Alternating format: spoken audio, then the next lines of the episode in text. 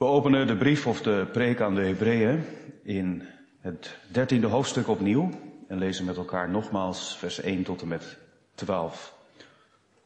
Hebreeën 13 vers 1 tot en met 12. Laat de broederliefde blijven. Vergeet de gastvrijheid niet, want hierdoor hebben sommige zonder het te weten engelen onder dak geboden. Denk aan de gevangenen alsof u zelf ook gevangen bent en denk aan hen die slecht behandeld worden alsof u ook zelf lichamelijk slecht behandeld wordt. Laat het huwelijk bij allen in ere zijn en het huwelijksbed onbevlekt.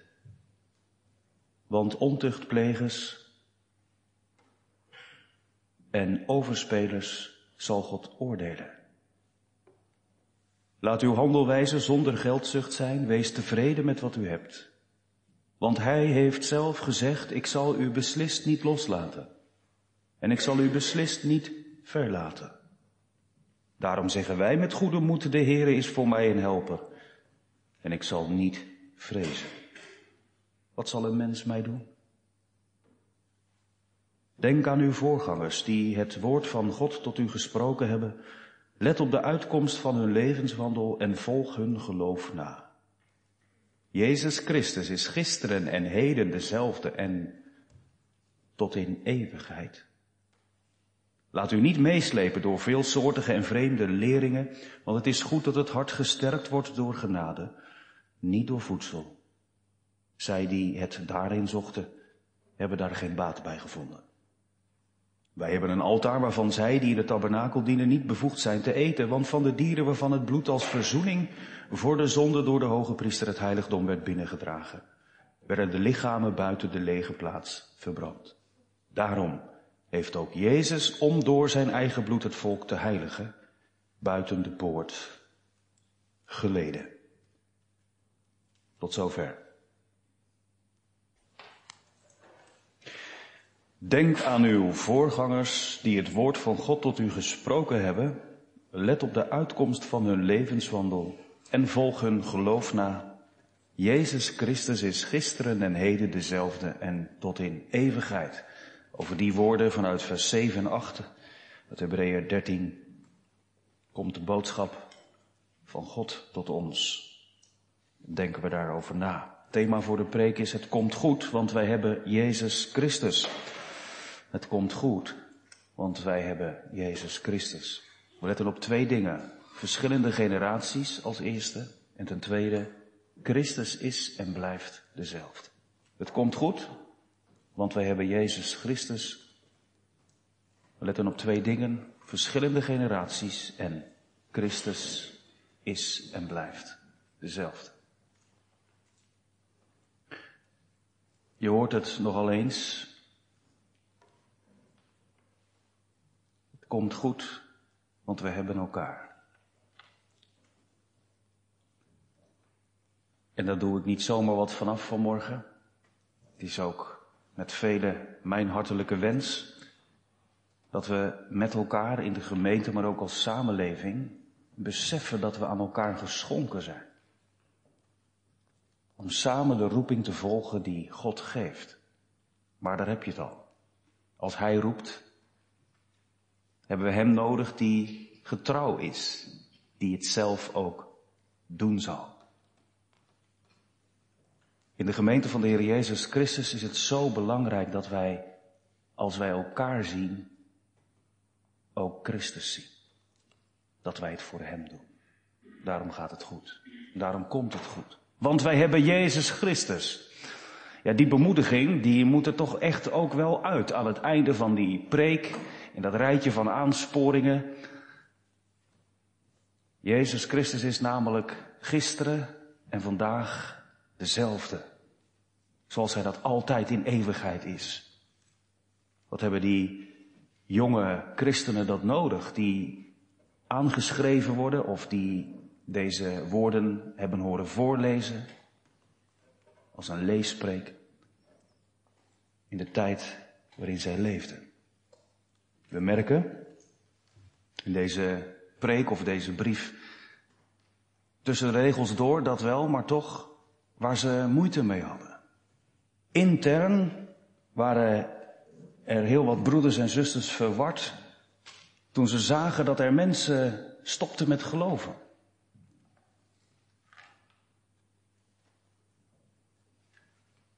Heb ik me dan ook niet bedrogen? Hoe kan het nou dat dat boegbeeld ineens omvalt? Mensen die geestelijke gaven bleken te hebben, blijken zomaar weg te vloeien. Hebben vooraan gestaan met ja zeggen, hebben deelgenomen aan de tafel van de Heren. En het lijkt wel alsof het, of het een zeepbel is geweest. Nou, dan ben je tot geloof gekomen, je hangt aan voorbeelden en het blijkt ineens niet te kloppen. Ik spreek nogal eens wat jongeren die daarmee lopen. En zich misschien ook wel in deze strijd herkennen. Er was ook gevaar van buiten. Die jonge christengemeente wist wat het was om vervolgd te worden. Dat je merkte, ik word uitgesloten. Ik word op de zoveelste plaats gezegd, gezet als ik ga solliciteren.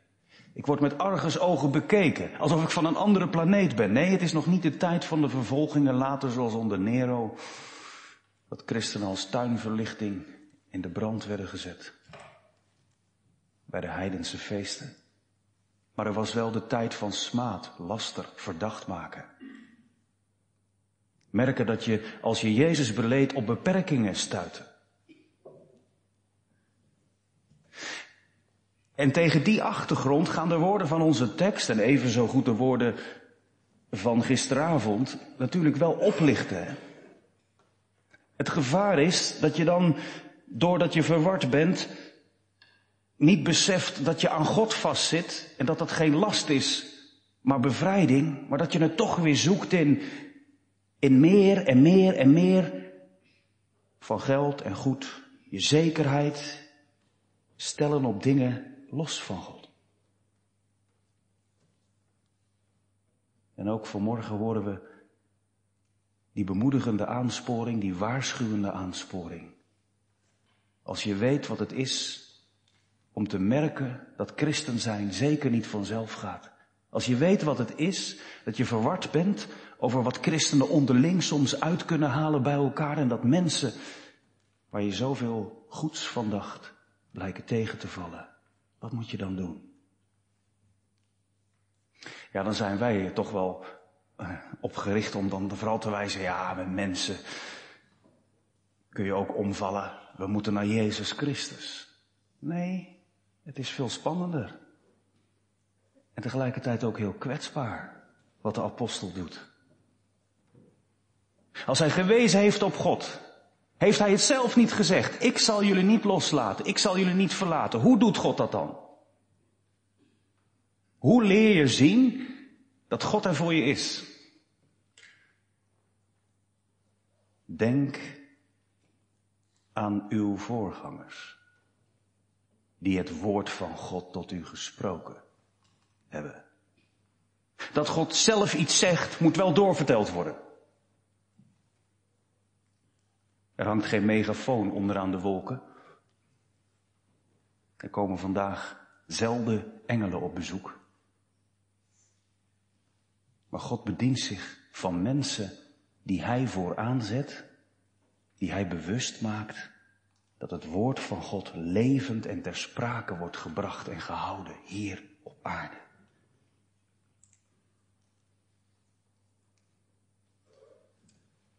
Heeft de apostel dan zo'n hoge dunk van die mensen? Ja.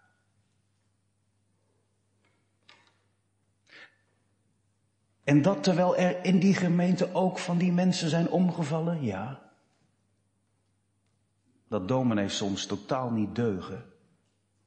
Dat vaders hun handen niet konden thuishouden.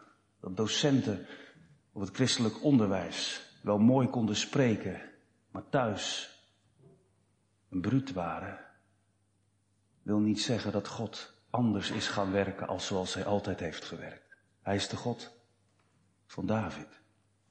Hij is de God van Petrus. Hij is de God van Paulus. Hij is de God van u, jou en mij. Mensen die tot alles in staat blijken te zijn. En toch, helemaal royaal vanuit Gods genade worden ingezet. En dan niet om de fouten goed te praten. Integendeel. Maar als daar vergeving is, juist het besef te geven, wij met elkaar hebben Gods genade nodig, hebben Jezus Christus nodig. En dan mogen we ook gewoon helemaal zeggen dat God uit die gebroken mensen zulke prachtige dingen naar boven haalt. Dat er wel betrouwbare vaders zijn, al zijn ze niet volmaakt. Dat er dienaren van het woord zijn, met al hun gebrek, die oprecht het beeld van Christus vertonen en dat geopende hart van God aan de gemeente. Dat God een collega op je pad bracht. Dat God je een vrouw gaf die voor je bad. Die je liet zien wat het licht van het evangelie betekent. Aan wie heeft eh, de apostel gedacht toen hij de lezers opriep om te denken aan de voorgangers? Nou, het woordje voorganger moeten we niet verwarren met zoals wij dat vaak noemen. De voorganger in de dienst is, en dan is het altijd dominee die of die. Het is niet een heel specifiek woord wat gekoppeld is aan een ambt. Het Griekse woord wat hier gebruikt wordt is heel algemeen. Het is niet per se een ouderling, het is niet per se een diaken of een opziener. Het is in algemene zin iemand die de leiding durft en kan nemen. Iemand die zegt, zal ik voorop gaan? Kom maar, kom. Dit doen we. Iemand die initiatief neemt. Verschillende plaatsen in het Nieuwe Testament blijkt dat God verschillende mensen, ook zonder een ambt, laat opstaan. In een gezin, in de gemeente. Een broeder en wat mij betreft ook een zuster. Die zegt, ik heb het woord van God gekregen om uit te delen. Die het woord van God kunnen spreken. En dan niet zomaar voorlezen, is een los citaat gebruiken. Of maar eens wat roepen. Maar die inzicht hebben in dat woord, zoals de apostelen dat hadden. Daar denkt eh, de apostel van deze brief of deze preek aan. Denk nog eens terug, memoreer. Haal je nog eens in herinnering. De mannen die ons voorgegaan zijn, de vrouwen die ons voorgegaan zijn. Lees Hebreeën 11.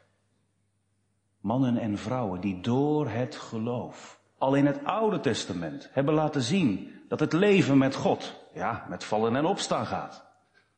Maar wel heel veel vrucht draagt. Mannen en vrouwen die, die zo aan God hingen, die, die zelfs nog geen Bijbel hadden zoals wij dat hadden, en toch leefden bij het woord dat uit de mond van God uitging. Het is wel opvallend hè, dat er gesproken wordt over uw voorgangers, die het woord van God tot u gesproken hebben.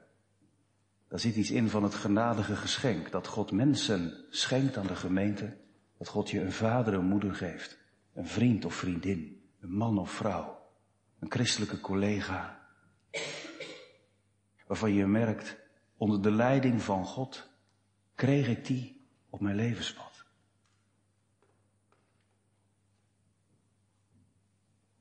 Is het een geschenk van God dat er iemand is naast mij die met een ander karakter en met andere inzichten en met andere gaven mij bewaart voor struikelen? Mij leert om andere keuzes te maken. Wat er ook gebeurt, hè, dat is de boodschap van dat eerste vers. Vergeet niet dat God ze je geeft. Denk nog eens terug. Hadden ze geen gelijk? Let maar op de uitkomst van hun levenswandel. Let dan op de uitkomst van de levenswandel is in de Griekse taal nogal eens een verwijzing naar het levenseinde. De uitkomst. De som van alle dingen. En dat is ook niet zo vreemd. In een tijd waarin de verdrukking toenam en toenam. Sommigen stierven al een martelaarsdood. En nou is dat natuurlijk niet altijd het sterkste argument om te zeggen dat het christelijk geloof waar is, want er zijn natuurlijk ook terroristen die op grond van religieuze motieven hun leven geven. Maar het is ook niet een argument wat er helemaal niet toe doet. De bezieling, de passie, waarmee mensen, niet te zien, liever sterven in de hoop van het eeuwige leven, dan ontkennen dat Christus mijn redder is. En ook de redder voor de wereld. Let er nou eens op. Niet alleen op het levenseinde, maar ook op die hele levenswandel. Het was niet alleen maar mooie praat, maar het was echt, oprecht. Wat een voorrecht als je zo vader mag zijn. En dat is mijn hartelijke gebed. Dat ik zo uw dienaar mag zijn. En dat is het gebed van de broeders binnen de kerkraad. Wat kunnen we vaak zeggen? Ach ja, ik ben ook maar een mens. Ja? Maar dan geen punt zetten, dan een komma. Een mens door God geroepen. Een mens door God gebruikt. Een mens die niet per se alleen maar leidinggevende capaciteit hoeft te hebben om te zeggen ik doe een stapje naar voren. Een mens die het niet hoeft te organiseren, maar die de organisatie aan God overlaat en zegt, ik heb het uit zijn mond gehoord, ik lees het in zijn woord, dit is de moeite waard om het erover te hebben. En dat, dat mensen dan niet alleen maar hoeven te denken, klopt dat nou wel? Is die boodschap logisch? Zit dat goed in elkaar? Is het een goed verhaal? Overtuigen mij de feiten? Allemaal niet onbelangrijk. Maar het belangrijkste is dat woord en daad, leer en leven met elkaar overeenkomen. Als ik kijk naar mijn eigen jeugd, heeft God ervoor gezorgd dat ik toen ik op de tweesprong stond, niet de verkeerde afslag heb genomen. Ik stond om het punt om dat te doen. Waarom gebeurde dat niet? Had ik een Paulusbekering, een Pauluservaring? Nee. Hoorde ik indrukwekkende, schitterende preken die op een gegeven moment mij helemaal ondersteboven lieten gaan. En dacht van ja, nu weet ik het, ik moet God volgen. Oh, God heeft heel veel bijzondere preken gebruikt in mijn leven. Maar datgene wat mij bij God heeft gehouden, datgene wat mij de juiste keuze liet maken, is de diepe overtuiging dat mijn vader en moeder God kenden en er naar leefden. Dat er jongeren van mijn eigen leeftijd waren, die mij lieten zien, ik met mijn grote mond en met mijn wilde dingen. Ik heb niet wat zij hebben. Dan komt het ineens heel dichtbij, hè? Toch? Dat als je je mond open doet om iets te zeggen, je niet heel veel woorden nodig hebt om te verdoezelen wat, wat ze allemaal zien. Maar dat je gewoon kunt zeggen met David. Kom kinderen, pa hou je mond. Weet je dat dan niet meer van, hè, Batseba? En uh, we hebben natuurlijk ook de familiegeschiedenis wel gehoord. Kom kinderen, hoor naar mij. En terwijl je op mij let, zie hoe goed het is om God goed te dienen. Ik zal raad geven. Mijn oog zal op je zijn. Ik geef de woorden van de Heere door. Wat voorrecht als je als opa, als oma die weg van God mag gaan. En dat je gebruikt wordt om door te geven wat God aan je gaf. En dat je ziet dat het nageslacht, terwijl ze steeds op hun neus gaan en aan alle kanten getrokken wordt, toch weer naar je toe komen. Vertel nog eens, opa. Oma, zoals ik dat pas iemand hoorde zeggen van u. Opa, ik zal voor u bidden hoor. Je denkt, hè? Is hij daar dan toch mee bezig? Het zit soms in de kleine dingen. Let op de uitkomst van hun levenswandel. Wat ze zeggen, dat was toch waar? Petrus, hè? die Jezus verlogend heeft, is het niet gebleken? Is het niet gebleken? Jullie hebben toch van hem gehoord? Dat hij Jezus verlogende, maar dat Jezus zei, ik heb voor jou gebeden dat je geloof niet ophoudt. Kennen jullie de brieven van Petrus dan niet? Wat een zegen. Als je in de generaties die zo kunnen verschillen, gaat opmerken, God bedient zich van gewone mensen. Maar zo houdt hij ook zijn kerk in stand. Want hoe ingewikkeld dat soms ook is, hè, omdat je met mensen kunt omvallen, dat zorgt ervoor dat we niet gaan zweven. Dat heeft er ook voor gezorgd dat ik hier niet in het Latijn hoef te gaan preken. En dat verhoedt mij dat ik hele bijzondere, visionaire bekeringsverhalen moet gaan vertellen vanaf de kansel waar u zich aan moet gaan meten. Integendeel, het is zo eenvoudig als je leest wat er staat, hoe God het deed, al die eeuwen door. Paulus stond op het punt om totaal tegen God in te gaan, werd omgekeerd. Petrus, die totaal een ongeschikt karakter had om nou precies te dienen zoals Jezus, toch wordt hij gebruikt. Jacobus, die zo sceptisch op afstand stond te kijken naar zijn broer en dacht van ja, het is toch eigenlijk allemaal wel een beetje heel apart hè. Hij wordt later gebruikt in het koninkrijk van God. Hoe dan? Omdat Jezus Christus gisteren, heden dezelfde is tot in eeuwigheid. Dat is het fundament. Dat is de motivatie. Tweede punt van de preek. Christus is en blijft dezelfde. Helaas is in bijna alle Nederlandse vertalingen die ik vond eh, een soort misverstand gecreëerd door een nieuw kopje toe te voegen in Hebreeën 13. Het hangt er een beetje van af welke uitvoering je hebt. Maar dan komt er nog iets van een zegengroet of zo tussen, schuin gedrukt, na vers 7. Alsof vers 8 niet bij vers 7 hoort. In vers 9 komt er een, nieuw onderwerp. Komt er weer een nieuwe aansporing. Hè? In vers 7 klonk, denk aan uw voorgangers, die het woord van God tot u gesproken hebben. Let op de uitkomst van hun levenswandel. En dan in vers 9, laat u niet meeslepen door veelsoortige, dat is een ander onderwerp, een andere aansporing. Dat Jezus Christus gisteren en heden dezelfde is tot in de eeuwigheid, hoort bij vers 7. Dat zie je als je let op die mensen die jullie voorgegaan zijn. Dat zie je op het geloof van de apostelen, wat zij hebben gezegd. Dat was Christus in hen.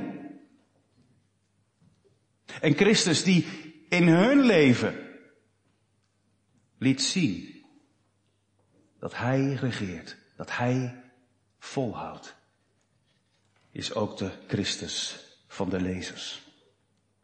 Is ook de Christus van ons.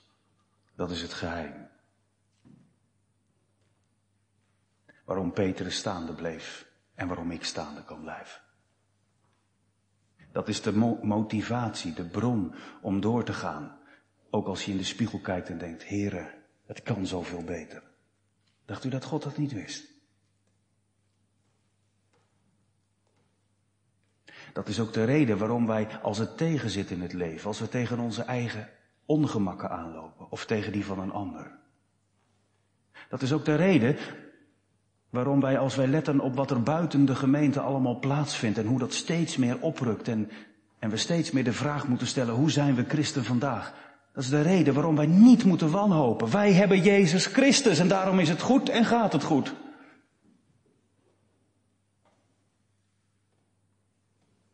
Soms krijg je het idee dat we toch te veel beïnvloed zijn door de maakbaarheidscultuur van onze tijd. Het moet allemaal perfect. Het moet allemaal strak. Het moet allemaal zonder gebrek. We moeten presteren. En zes is niet genoeg. Nee, als je denkt, je moet wel goed begrijpen, vanuit wat God waard is, is een zes zeker niet genoeg. Maar wat voor onze ogen een zes kan zijn, kan voor God een tien zijn hoor. Waar lees je dat er ook maar één gelovige in de Bijbel te vinden is die het kruis niet hoefde te dragen? Om jezelf te verloochenen. Dat oude zelf wat er tot de laatste snik in blijft. Waar lees je in de Bijbel dat het geloof zonder verdrukking is?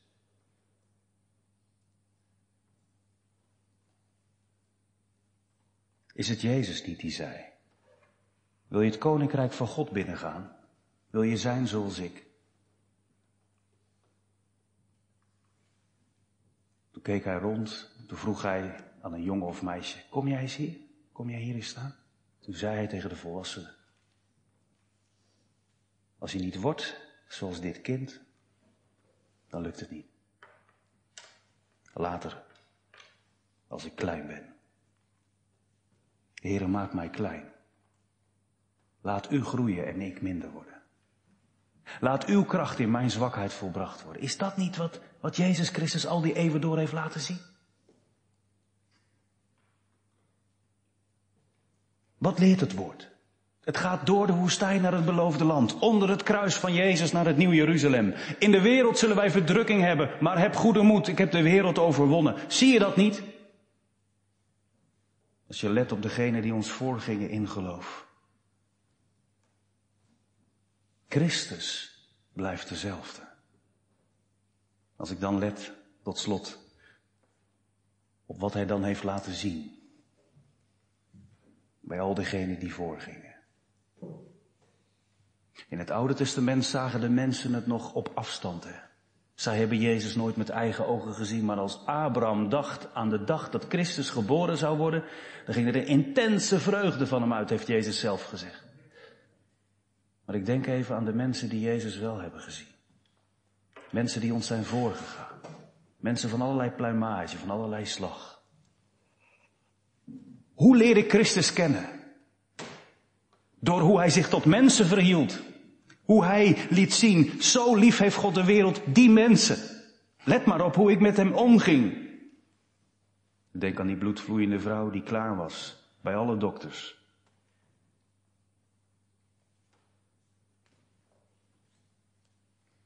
En die eigenlijk helemaal niet in de gemeenschap kon treden, want ze was onrein. Vandaag de dag zou het misschien een meisje zijn, of een jonge vrouw van twintig, met een hoodie op, niet herkend willen worden, die ergens achter in de kerk schuil gaat, de achterste bank, en aan God gaat hangen. Zoals die vrouw aan de zoom van zijn kleed trekt. Deze Christus is ook vandaag dezelfde. Als mensen je niet kunnen helpen, is Hij bereidwillig om je te genezen.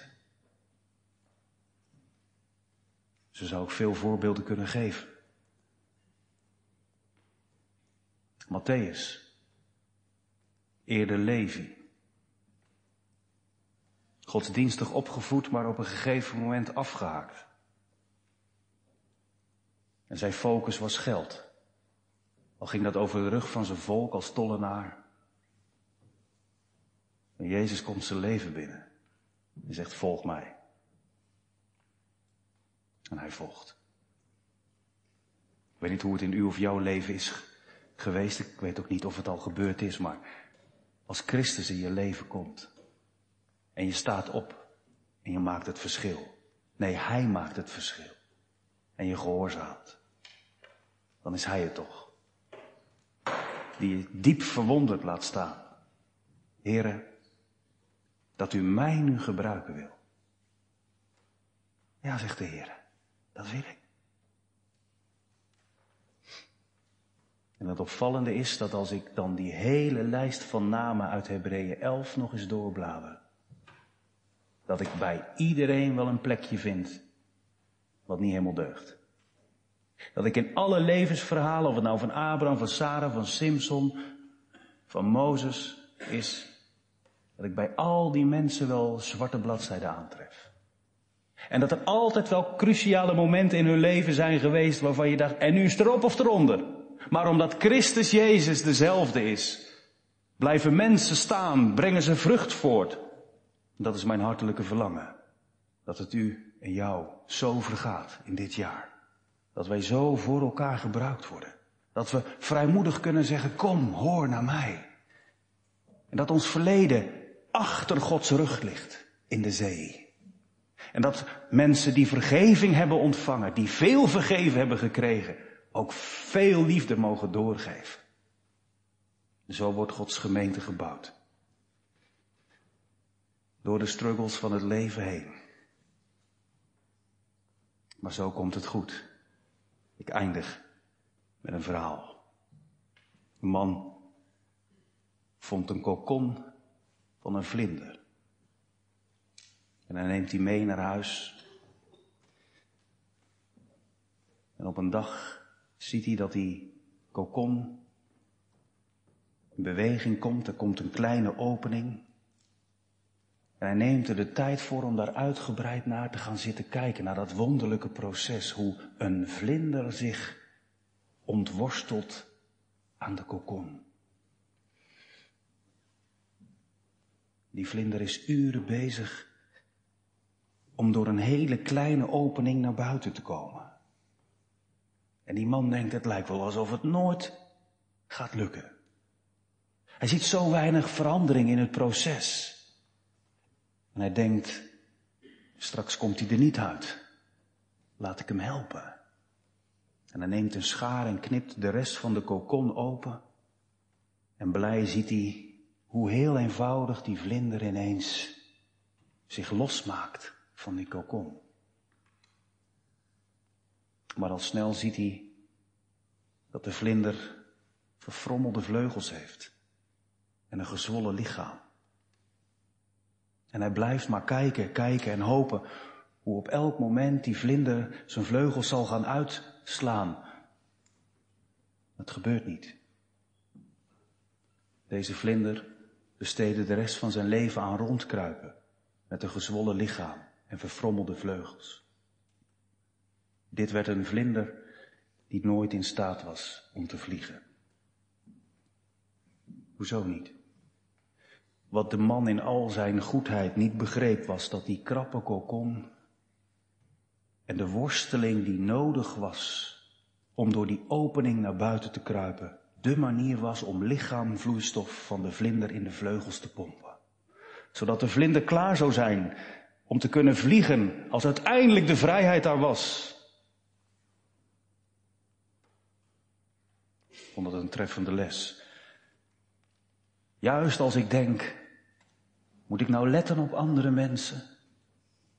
Als ik zie waartoe ze in staat zijn. En als ik begin bij mezelf. En er soms zo tegenop kan zien. Heren, er is nog zoveel wat niet. En dat ik leer zien, al die dingen moeten meewerken om sterker te worden. Om te kunnen vliegen. Door het geloof te kunnen zeggen, kom. Zie wat Jezus in mij deed. Zie wat Jezus in jouw leven kan doen. Denk aan uw voorgangers, die het woord van God tot u gesproken hebben. Het was een Petrus, het was een Paulus. Maar als ik let op de uitkomst van hun levenswandel, zijn ze onder het kruis door Jezus Christus gebruikt en tot grote zegen geweest. Want Jezus Christus, die gisteren en heden tot in eeuwigheid bestaat, is dezelfde. Hij is getrouw, die het ook doen zal. Amen.